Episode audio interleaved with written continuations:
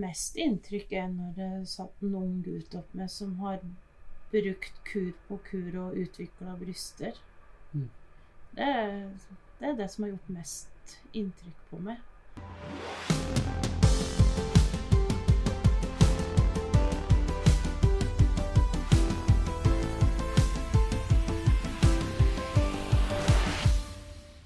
Ja, nå er jeg kommet meg av toget her på Vinstra i Gudbrandsdalen. En drøye tre timers togtur fra Oslo. Og I dag skal du få gode råd til hvordan du kan snakke om eh, bekymring for dopingbruk. Enten du er foresatt, jobber med ungdom, eller bare er interessert i den viktige kunnskapen dagens gjester sitter på. Du skal få høre hvordan kommunen her, Nord-Fron kommune, har helt endra måten de forebygger dopingbruk på. Du skal få høre fra treningssenteret i bygda og et innblikk i en ungdomskultur der både doping og rusmidler bare er et eh, eller to tastetrykk unna. Dagens stemme altså spør om doping.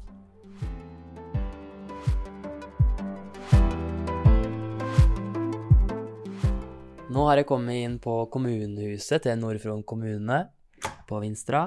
Tar turen inn på kontoret til Nina Haugen, som er spesialsykepleier med rus og psykisk helse. Og her inne på kontoret så henger det litt eh, plakater med, med dopingkontakten. Kjenner du til farene ved å bruke doping? Jeg ser et bilde av ei, ei dame og en mann, og så står det litt sånn forskjellige bivirkninger av doping. Men disse plakatene her, de hang ikke her for bare fem-seks år sia. Det har skjedd litt for eh, Nina i hennes møte med pasientene her i Nord-Fron kommune. Nina har jobba med rus og psykisk helse i veldig mange år. 13. 13 år. Velkommen til Antidopingpodden. Jo, takk. Takk for at jeg fikk komme hit til Vinstra, sette meg ned på kontoret ditt her og få en god prat, god prat om, om doping og det å spørre om doping, som er tema for dagens episode. Åssen er det ungdommene, eh, er unge voksne som er inne på kontoret reagerer når de ser plakatene her?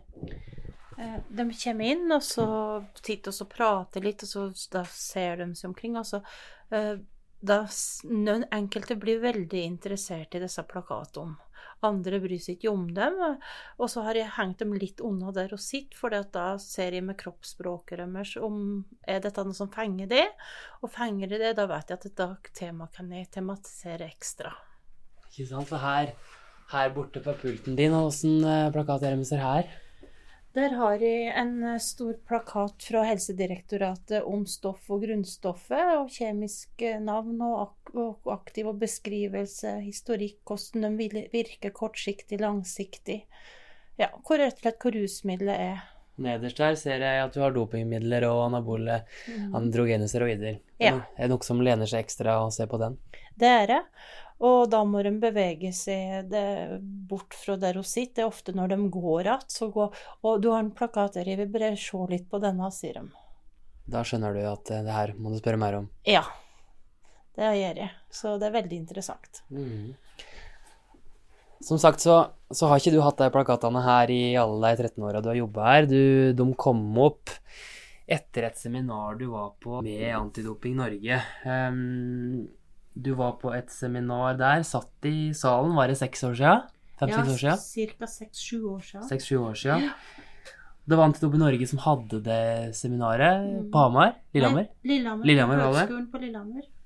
Og hjemme på kontoret ditt på Instra hadde du egentlig aldri spurt ungdommene om doping, og nå skulle du få påfyll og kunnskap om, om dopingbrukere og konsekvenser av dopingbruk. Mm. For du visste ikke så mye om det da i forkant. Nei, eh, det var Om jeg hadde ti eh, utdanning innen rus og psykisk helse, så var ikke doping eh, nevnt noe særlig der. Så det, det toucha ikke at det, de to var det connection det var. Nei. Så det å, å få den forelesninga, det ga meg virkelig aha-opplevelse. Ja. Og under den forelesninga så satt jeg og tenkte den pasienten, den pasienten. Det datt noen brikker på plass. Så da begynte du å tenke tilbake på deg du hadde hatt tidligere. Ja. Åssen, da du satt i salen og hørte foredragsholderne, blei du overraska? Åssen følelse satt du med da? Jeg ble overraska. Det var en slik, slik aha-opplevelse. At hvor uvitende jeg har vært. Og kjente på at her burde du ha stilt eh, spørsmål som du ikke hadde stilt før. Ja. Mm. Hvorfor blei det så viktig for deg når du satt eh, på vei hjem til Vinstra den dagen? Nei, for da satt jeg og tenkte og reflekterte over, eh, som sagt, pasienter jeg har hatt, og, og skjønna det at jeg har ikke klart å gi dem den hjelpa de har behov for, for jeg mangla noe. Mm. Var du helt sikker på at, at jeg hadde brukt steroider eller doping, de pasientene du tenkte på da? Jeg var ikke helt sikker. Det er klart at da jeg kom hjem igjen og skulle ha dem i neste samtale og neste der igjen, så måtte jeg få inn det temaet. Jeg skal komme tilbake til litt det du har fått ut av da, å spørre om doping i samtalene dine seinere i episoden. Men først så må du beskrive ungdomsmiljøet litt her i kommunen. Det bor jo litt over 5600 i Nord-Fron kommune. Det er en drøy time da, til nærmeste by, Lillehammer. Åssen um, er ungdomsmiljøet i dag, og åssen har det endra seg i den tida du har jobba her? Eh, ungdomsmiljøet, det har, det har endra seg på den måten at eh, da jeg var ung, og de ti siste åra så har Da jeg var ung, så da var ikke rus eh, akseptert. De som drev med rus, de ble stengt ute fra ungdomsmiljøet. Men nå aksepterer en ungdomsgjeng at noen i gjengen bruker for det er dømmers greie. Det har ikke jeg noe med. Og det har endra seg. Mer liberale holdninger? Ja. Rett og slett mer liberalt. Eh, folk, eh, ungdommen bryr seg ikke med hva den andre gjør. En godtar det, sjøl om Mm. en ikke står for det sjøl, kanskje? Ja. Åssen Hvorfor tror du den utviklinga har kommet, da? Det er sosiale medier. eh, Det er mm, politikken i Norge. Det har vært en eh, rusdebatt og liberalisering av cannabis og slike ting. Det er med på å skoppe dette, men ikke minst eh, sosiale medier. Mm. Og der er ungdommen kjempeflinke. De finner ut, de finner ut dark room, hvor de kan gå inn og bestille ting som jeg knapt nok vet om. Mhm. Ja, for den tilgjengeligheten, den er, den er stor. Den er stor.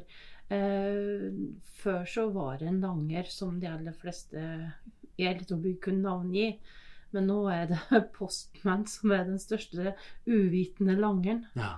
For nå det, nå bestiller de det på nett. Med- Samtidig så har oss dem som sier det at vil jeg ha med en rus eller noe doping, så er det bare å ta en telefon, så, så kommer de kjørende med det fra eh, Lillehammer eller Oslo. For når jeg ser ut av kontorvinduet ditt, så, så ser jeg jo opp på, på bratte sider med gårder, og det er noe fjell, og vi ser så vidt snø på toppene her i, her i mai. Og så ser jeg jo rett ned på togskinna, da, men det er jo ikke en stor plass her. Det er jo, En tenker kanskje at ja, på bygda så, så er det vanskelig å få tak i. Må, det er noe helt annet i Oslo, men sånn er det kanskje ikke i 2022. Nei, tilgjengeligheten er lik tror jeg, stort sett over hele landet. Vi skal òg ta inn en som kanskje er enda tettere da, på ungdomsmiljøet her i kommunen. Og har vært det i mange år. Det er Morten Stubberud, velkommen til Antidopingpodden. Takk for det. Du er sosialrådgiver på ungdomsskolen her og har vært det i mange år. Og får stadig besøk av Antidoping Norge der. Morten, jeg tror du skal få det faste spørsmålet vi stiller til alle her i Antidopingpodden. Og det er det første du tenker på når jeg sier ordet doping? Um, da tenker jeg at uh, der er nok en person som mest sannsynlig har hatt uh, type brist, utfordring, tidligere i livet, tenker jeg. Uh, kanskje, kanskje kan det være skilte foreldre. Kanskje kan det være ekstra belastning mens du vokser opp, som gjør at du på en måte senere velger å på en måte påføre kroppen din et en slik type prestasjonsfremmende middel. At det er liksom, det er, jeg tenker brist i et eller annet, en eller annen plass. Mm. Det gjør jeg. Er det viktig å, å bore ned i den bristen for å gi samtale med ungdommen? Ja, det tror jeg er helt sentralt. Det tror jeg er helt sentralt. Mm. Eh, Det er det jeg tenker like i forhold til dette her med å Hvis du kommer fram tidlig og, og får til god forebygging og får til endring eh, tidlig, så håper og tror jeg at eh, at eh, de da opplever den bristen senere. Mm. At de tar de rette valgene og velger å kanskje trene, bruke litt lengre tid på å bygge den muskelen i stedet for å, å ta denne her kortveien og gå inn på nettet eller få tak i de prestasjonsfremmende midlene gjennom andre kanaler. Mm. Håper og tror jeg. Åssen kan du beskrive litt det her ungdomsmiljøet vi ser eh, i, Vinstra og i Nord-Fron kommune nå i 2022? Ja, det er vel kanskje som mange andre plass i landet, vil jeg tro. Så har mange kjekke, oppegående ungdommer. Og selvsagt så har, også, har de òg en del utfordringer i dag. Det ser oss jo. Eh, Det er klart tilgangen på rusmiddel har jo endra seg de siste kanskje 10-15 åra.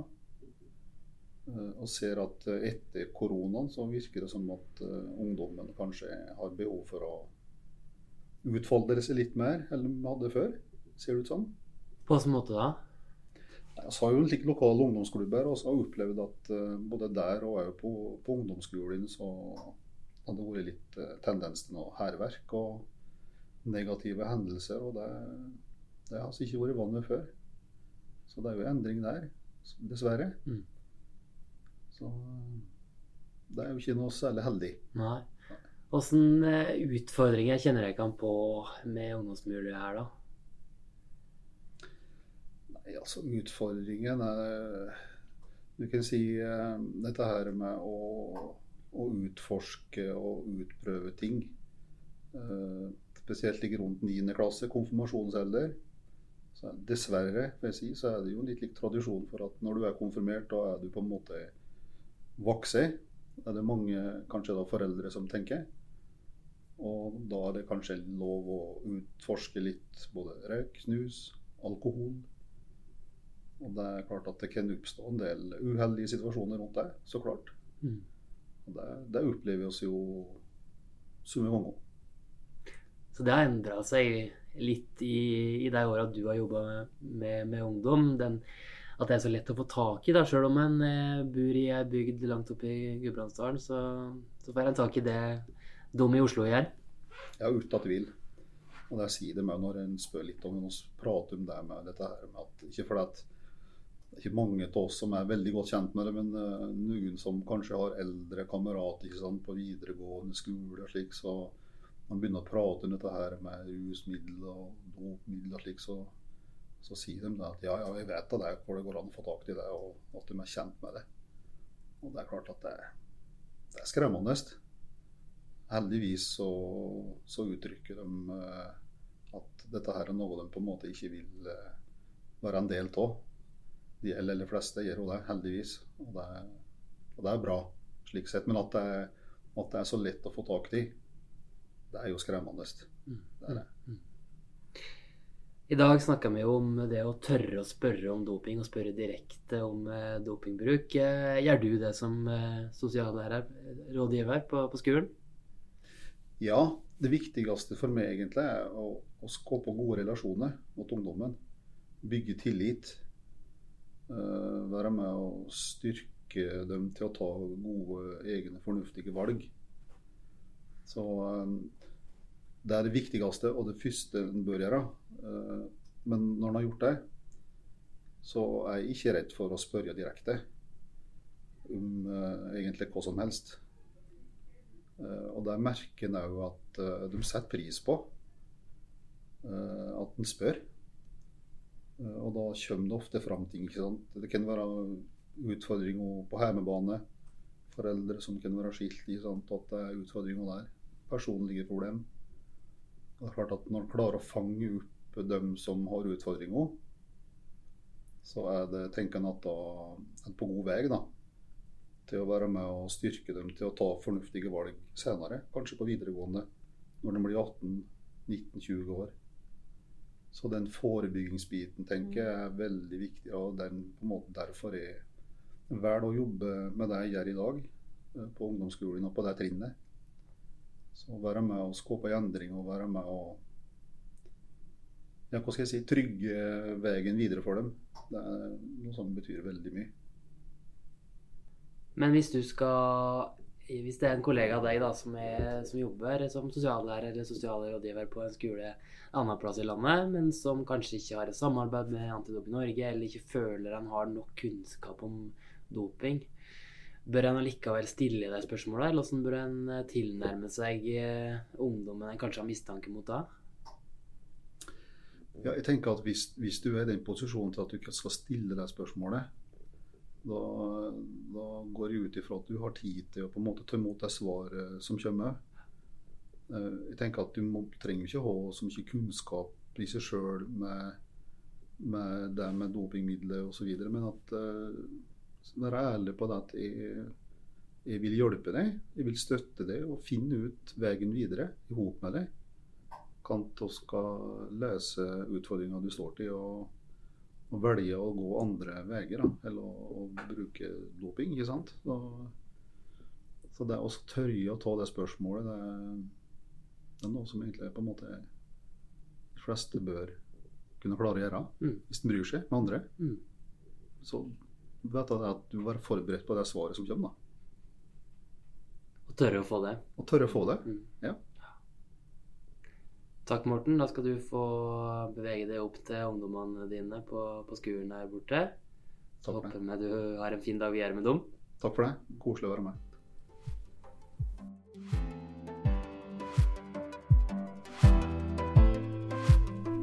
Det er nok av gjester å ta her på Vinstra i dag. Det strømmer inn. Og siste gjest er Anette Gårdløkken ved Fron trening. Daglig leder er du. Velkommen òg til deg til Antidopingpodden. Takk for det. Det er ikke så lenge siden du tok over eh, treningssenteret her i bygda. Det eneste treningssenteret. Mm. Så det er jo det treningssenteret folk må velge om de skal trene her. Det har akkurat blitt eh, med i Reint senter-programmet. Åssen eh, ja, Først og fremst, hvordan er det å drive treningssenter her på, på bygda? Uh, det er kjekt, men det er jo tungt. Det er jo få folk å ta av. Um, men uh, med engasjement og ambisjoner, iver for at det skal uh, At treningssenteret skal bestå, så, så går det. Ja, sant. Og du må vel ha ganske forskjellig type folk innom hos deg, eh, og har eh, kanskje litt forskjellig type motivasjon på treninga, de som, eh, som går inn på front trening om dagen? Mm. Ja, og så har du jo eldre, yngre eh, folk fra fitnessmiljø, eh, strongman-miljø, crossfit-miljø. Altså det er et veldig breispektra medlemsutvalg, da. Ja. Mm. Ja, Nina, fortell litt om det. Vi vet, Du fortalte meg tidligere i dag at det, det er ganske mange eh, som driver med strongman og fitness eh, her, her i Gudbrandsdalen. Ja, eh, Nord-Fron er vertskommune, hvis en kan si det. En hotell her som er vertskommune for Strongman, VM og NM for det. Eh, så det gir nå sine utfordringer på det lokalt òg. Det kan påvirke litt. Ja, det kan det. En ser, jeg har sett det innimellom blant eh, spesielt gutter på ungdomsskolealder. Ser litt opp at disse her eh, store, sterke, barske karene. Ja. Og vi vet at det her er jo eh, miljø som er på utsida av idretten, ikke med i, Norges idrettsforbund, og, og dermed utafor testprogrammet til, til Antidoping Norge. Mm. Så jeg vet jo at det, det skjer litt av hvert i de miljøene. Ja, og det, det er også jeg klar over, og det har også vært en motivator for det forebyggende, holdningsskapende arbeidet som oss gjør, da. Mm. Og der er treningssenteret og Anette sentralt, og, jo samarbeider mye med kommunen, skjønner jeg. Men kjenner du eh, treningssenter det, Hvis han driver med dopingmidler, så er jo det tett forbundet med trening, selvfølgelig. Mm. Hvordan merker du det i din hverdag på treningssenteret her på Instra. Er det et problem her? Um, altså, jeg vet at, vet at det er tilfeller av doping, dopingbruk. Um, jeg, jeg hører jo praten. Den går jo, og uh, jeg ser det jo. Mm. Um, dopingbruk, det, det legger jo spor, på en måte. Ja. Sant? Så Ja. Og din bakgrunn, du har en bachelor i idrettsfysiologi. Stemmer. Og veit jo mye om åssen en skal trene rein, som er med fronta mye. Eh, men så er jo du da eneste ansatt på treningssenteret sånn på fulltid. Eh, Åssen utfordringer ser du på det da å skulle ta opp ei bekymring for dopingbruk? Vi snakka jo om det å spørre om doping eh, i dag. Det er ikke bare enkelt, sikkert? Nei, du blir jo veldig eh, Det er ingen tvil om hvem som har, har sagt ifra og levert inn bekymringsmeldinger. Ja. Det, det faller jo på meg, og eh, det kjenner jeg jo på. Mm. Um, jeg har ikke gjort det ennå, men jeg ser jo at det kan bli eh, Det kan absolutt bli aktuelt at jeg må gå inn og, og konfrontere noen. Mm. Eh, ja. Åssen ser du på det, da? Nei, det, det er en terskel å gå over, det. Ja. Og gjøre det. Det krever litt. Mm. Men da er det kanskje fint å vite at det har et uh, rent senterprogram å lene seg på. Det kan være sertifisert som et rent senter. Eh, og da har en jo verktøy eh, som en kan bruke hvis en eh, Mm. har mistanke, bl.a. den samtalen, da, som, Ja. den bekymringssamtalen, som du har en mal du kan gå etter. Hvor viktig er det? Det er veldig kjekt å kunne ha det i ryggen. Ha en veiledning for hvordan du skal gå fram. Uh, ja. Mm. Hva du skal si, hva du skal gjøre. Også. Sant. Åssen tror du du hadde skulle ha gått inn i den samtalen? Det er veldig vanskelig å svare på, syns jeg. Uh, det kommer jo helt an på hvilken, hvem det er prat om. Hvem Ja. du skal henvende det til, tenker jeg. Eh, ja. Åssen råd ville du gitt til Anette? Nei, det som må Anette si, må man som se da hvem det er, be- bekymringa, vurdere hvor stor den er, og så eh, er det da bare gå inn med som ei undringssamtale, tenker jeg, først før en kommer bastant med beskyldninger og slik, men undre seg litt i hop med den det gjelder, og, òg kanskje informere om liksom at senteret her er et rent senter, og og det at her er ikke lovlig med bruk av noe dopingmidler til noen slag. Og høre hvordan den stiller seg i forhold til det. Mm. Isteden ikke bare gå rett på at du har mistanke om at du bruker dopingmidler, men let den få komme og uttale seg og undre seg litt rundt det.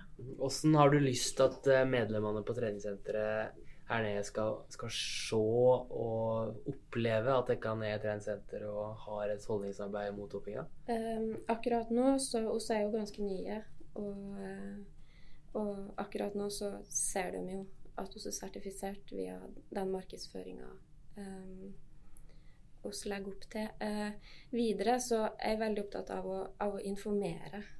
Um, hva er doping? Uh, hva gjør det? Uh, videre. Hvordan kan du trene mest effektivt? Sant? At du får resultater Mm. uten at du trenger å, å dope det, da. Mm. Mm.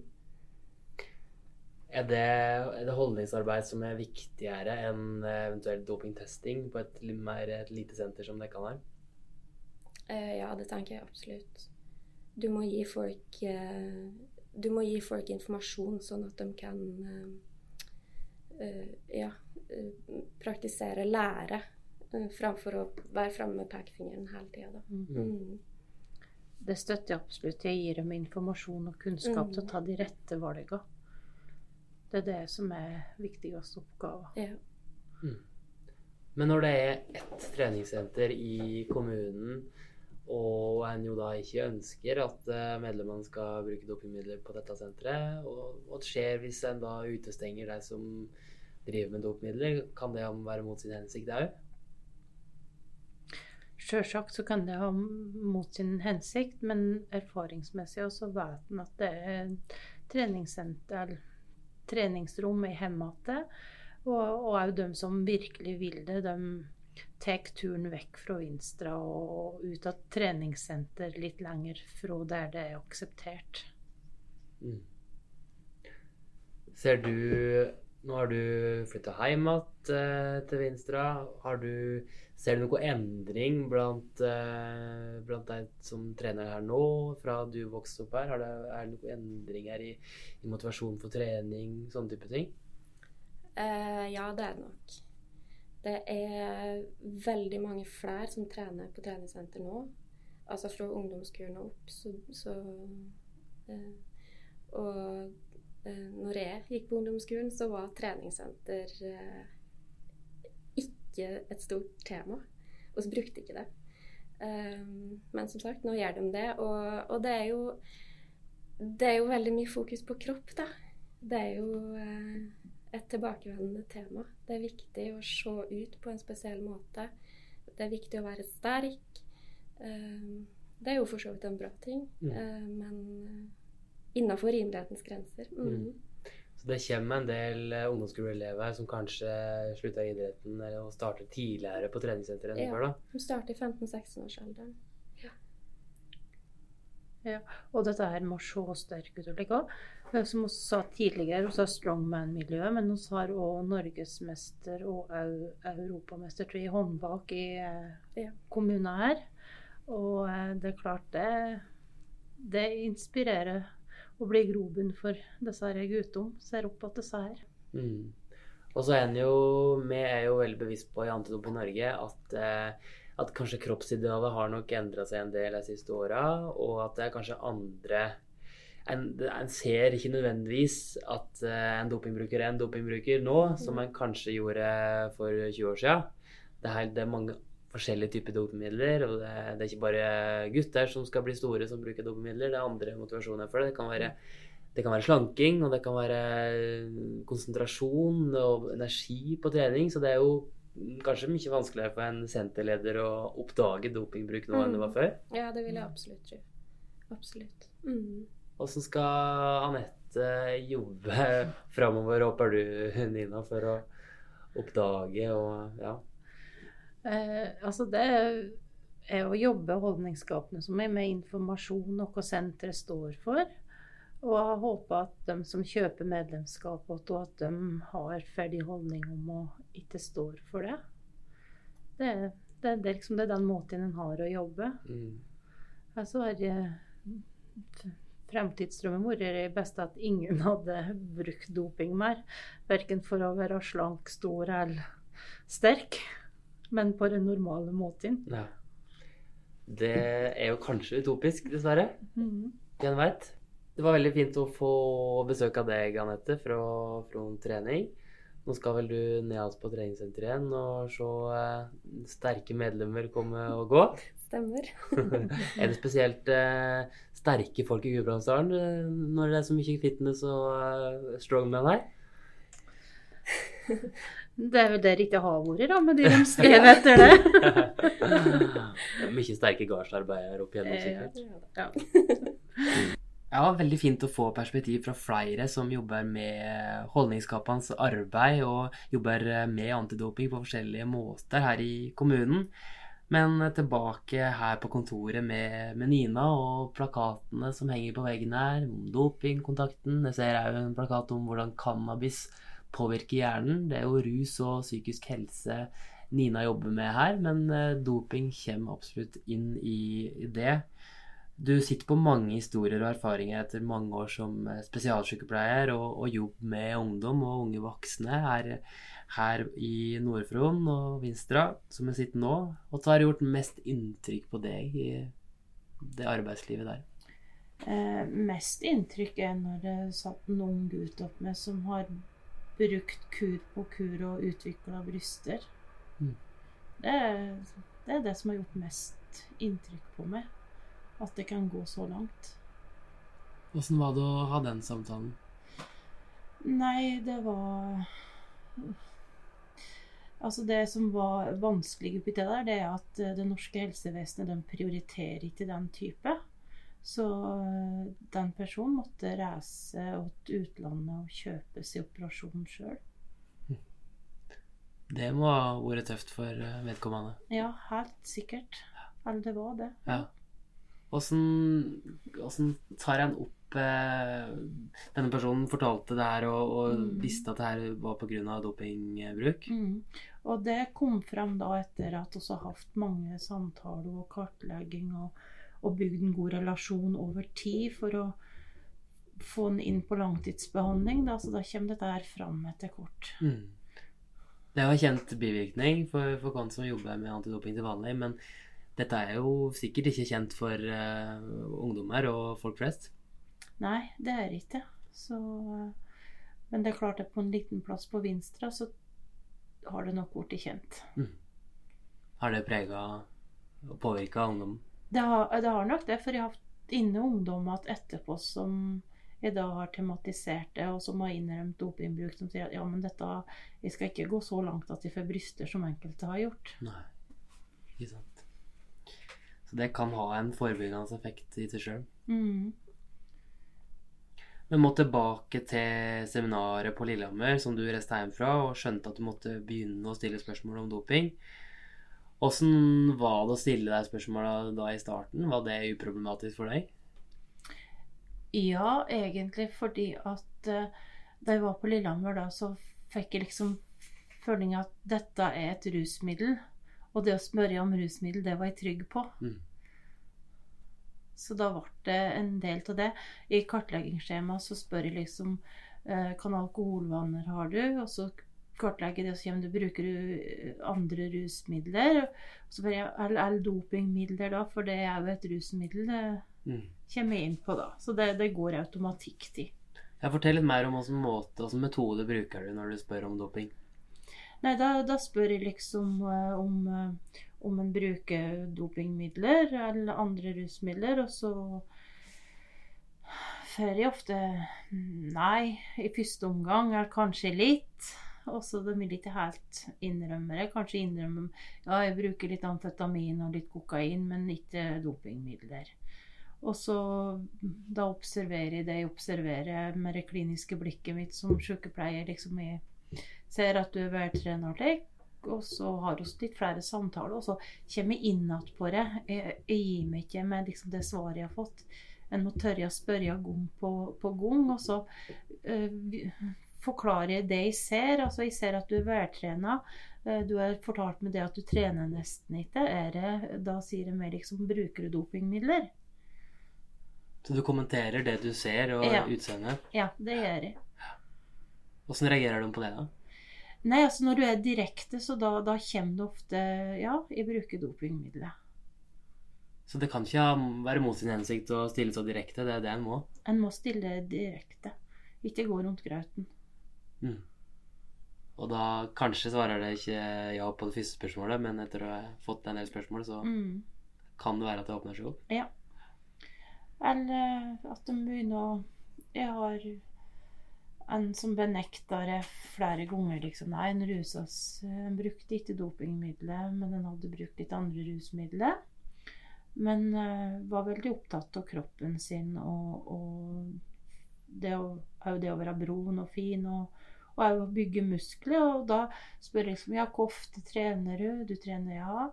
Og så reiste jeg meg på hjemmebesøk, og så Ja, eh, hvor har du treningsrom? Nei, det var ikke her nå.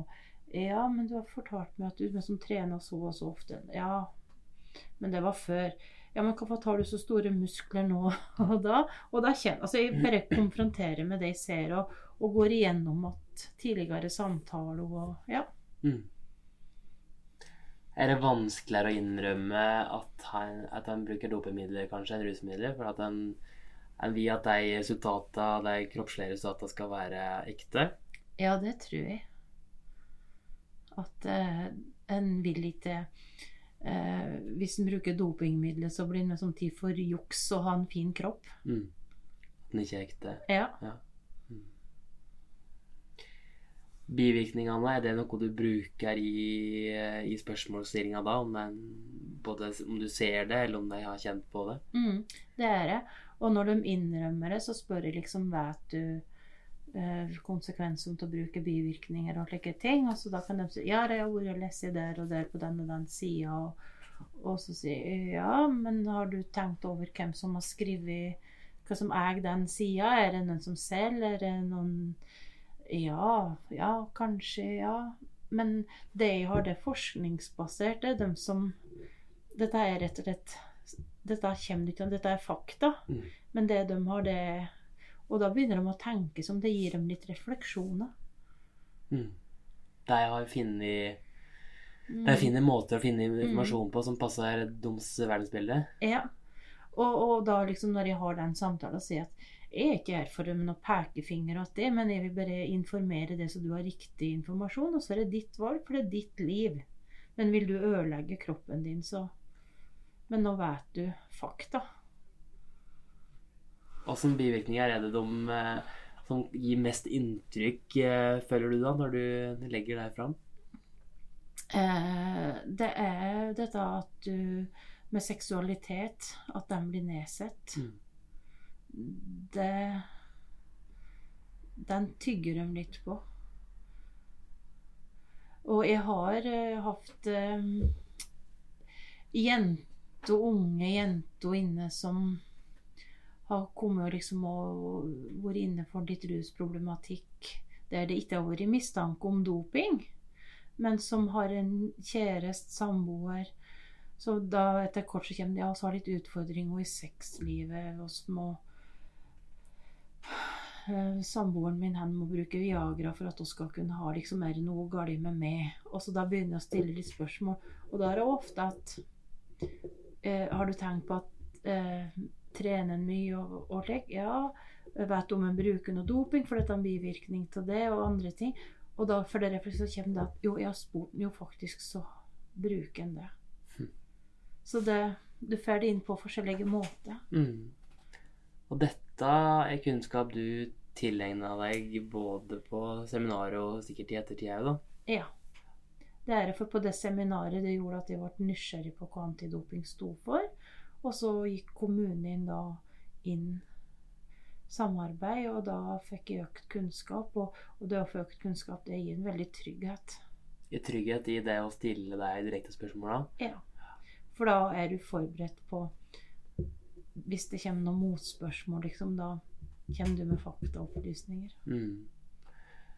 Må en ha den kunnskapen for å stille deg spørsmåla, tenker du? Nei, eh, jeg tenker ikke det. Men det som eh, kollega Tommy Morten her sa tidligere, at en må ha tida til å ta imot det som kommer. Godt poeng. Tid Tida. i samtalene. Mm. Og så er det dette med grunnene til at de prøver dopingmidler og tester det ut. Eh, I 2017 så kom Forandringsfabrikken med en undersøkelse der de så på motivasjonen for dopingbruk. Eh, Det var blant 84 personer fra 18 til 24 år, og da var konklusjonen om at eh, dopingbruk ofte handler om å dekke over vonde følelser, og at hovedgrunnene som motiverte for dopingbruk, det var mobbing, det var omsorgssvikt, det var kommentarer rundt kropp fra foresatte, og det var ei opplevd krise, da. Det, kan du krysse av på noen av disse grunnene? Jeg Kan krysse av alle fire. Ja. Ja, det kan jeg. Så- Alle fire på, på alle, eller folk innom litt forskjellig? ikke alle fire på alle, men én eller to på alle sammen. Og noen har litt mer sammensette problemer, og flere av dem. Men det er veldig individuelt. Og så er det òg noen som ikke har de problemene, som bare er nysgjerrige. Mm. Må ikke nødvendigvis ha hatt en vanskelig oppvekst. Nei, det en må ikke nødvendigvis det. Det er Det å tenke når noen, eh, når noen ruser seg når det, så at den har hatt ei traume, noe omsorgssvikt, et eller annet. Men det bør ikke det, for en liten prosentandel er bare nysgjerrige. Mm. Og har lyst til å bli større og Ja. bli, bli anerkjent av både kompiser og andre i annet miljø. Ja. Og så prøver de det fordi at de leser på da fæl side på nettet, som roser dette opp og ufarliggjør det. Nå jo, er jo Dekkan i særstilling i Nordfjord kommune fordi Dekkan har et samarbeid med Antidop Norge. Så alle ungdommene som går på skole her, har jo vært innom et foredrag med Antidop i Norge. Eh, så kunnskapen kan jo hende er mer om, om doping her. Men mer, hvordan kunnskap har ungdom om eh, dopingbruk og konsekvenser? Eh, altså, jeg tenker at ungdommen vet hvor de kan finne de kunnskapen om konsekvenser av den. Men så er det litt slik at hvis det er noe vi vil, så leser oss ikke den sida som er negativ, da leser oss den sida som er positiv. Så de kan jo tilegne seg det de vil. Mm. Vi nærmer oss slutten, men vi har, har lyst til å, å, bruke dine erfaringer til å gi tips og råd til, til både fagfolk og egentlig òg foresatte om hvordan de bør spørre om doping, om de kjenner på mistanke eller er interessert i å vite mer. Hvordan bør en gå fram, tenker du? Sette seg ned lag med ungdommen og, og være spørrende. Ikke fordømmende, men spørrende på søken etter eh, kunnskap. For det er jo noe jeg gjør i, i samtalen. det at Når jeg skjønner at de har brukt rusmidler, så setter jeg meg liksom litt attende at dette kan ikke jeg så mye om. Kan ikke du fortelle meg om det? Mm. Og det tenker jeg det er veldig fin ting for foresatte og, og, andre, og liksom at den, da blir de fagperson, og da, da får du veldig mye informasjon som du ikke ville ha fått ellers. La deg jo formidle sin kunnskap. Ja.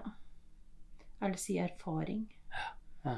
Eh, før du da kommer med fakta og kunnskaper, hvis du leste opp på det. For det finner du på antidopingtilside og ellers NHI og slike ting. Når veit en at en bør være bekymra? Eh, det er når det blir ei endring i oppførselen, vennekrets, aktiviteter på ungdommen sin. Man ser ei endring. Kanskje på sinne, aggresjon, irritabilitet. At en da kanskje bør begynne å stille de vanskelige spørsmålene. Det signalet en bør se etter? Ja. Kosttilskudd har vi ikke vært innom i dag, men det er jo noe som eh, foredragsholderne i Antidop Norge legger mye vekt på mm. i foredragene når det er rundt her på Instra og andre plasser. Mm. Pre-workout er det sikkert mange som har hørt om, som kanskje ungdommen har fortalt om. Er det mm. noe en bør være obs på å spørre om? Ja, og det, det skulle i timen når, du spurte meg liksom, når jeg tenker doping og hva jeg spør om, liksom, da går òg det med, med kosttilskudd, ernæringstilskudd inn der. Og da informerer jeg veldig om at det du får kjøpt i Norge eh, på butikker som er godkjent, det er det er greit, men har du et sunt kosthold, så trenger du ikke. Det er bedre med et vanlig måltid eller det. Du har ikke behov for det. Men kjøper du i utlandet, så får du ut, vet du ikke hvor du får til rett og slett. Da kan du få til doping uten at du er klar over det. Og det er nok at du handler på Svinesund. Mm. Så det å være litt obs på type kosttilskudd, pre-workout mm. Eh, og ting som kanskje kommer i posten, det, da bør en spørre litt ekstra? Ja, det bør en. Og dette informerer oss litt om i foreldremøtet i, i 9. Eh, og 10. klasse. Mm. Vet, merker en at det er noe ungdommen da har erfaring med? Ja, en, da blir ofte foreldrene litt engasjert og begynner å stille litt spørsmål. Nå er dette er jo en dag, litt grå dag i Gudbrandsdalen. Ikke noe sol, men det kan ha iallfall vår. Ikke like mye vår som i Oslo og grønne tre, kanskje. Men det nærmer seg sommer og en periode der mange ungdommer er nok kanskje litt ekstra opptatt av åssen en ser ut. Nå skal snart eh, ta av seg alle klærne og ligge på stranda, og vi helst imponerer kanskje litt. Eh, det er kanskje en periode dere eh, som jobber med ungdom, er litt mer obs på. Ja, og det Nå har vi prata veldig mye om trening og slike ting, men, men dopingmiddel er også veldig mye brukt til slanking, slankemiddel. Eh, og det er veldig aktuelt denne årstida her på jenter som skal kle av seg og gå i bikini og se fine ut. Og, og det er denne årstida her også ser veldig at uh, Barbie-dopet kommer fram igjen. Ja, Hvilken erfaring og kjennskap har du til det? Det har jeg hatt flere på, eh, på kontoret mitt som har brukt. Eh, og du, eh, da ser du at de har brukt det. Det er et stoff de injiserer. Men de blir brune, og de får en hver dag så får de en Barbie-look. så navnet tilsier helt det riktige. Og jeg har spurt liksom jeg, jeg, har observert folk som ikke har vært på kontoret her, og som jeg har sett liksom har brukt det, og så har jeg spurt i vennekretsen om, om den har brukt det. Og så nei, nei, den personen tar avstand fra, så kommer det Nei, du hadde riktig. For det er, du ser det, det så, så. Det er så lett å se. Så bare bli klar over det. Så, du, så selv om en har eh, døtre og tenker at doping ikke er noe en bør eh, tenke på, så, så er det ikke bare gutter som eh, prøver å vurdere dopingmidler? Nei, det er absolutt jenter òg. Tusen takk for at eh, Antidopingbåten kunne ta turen til Vinstra og på kontoret ditt i dag, Nina Haugen. Det, du har veldig mye spennende erfaringer. Jeg tror vi kan lære mye av det du har erfart de siste åra. Du eh, har fått en del ut av å stille deg spørsmåla som du ikke gjorde før. Ja, så absolutt. Og det som gjør meg glad, det er at de har klart å hjelpe ungdommen på en bedre måte. Tusen takk til deg, Nina. Tusen takk for at jeg fikk være med.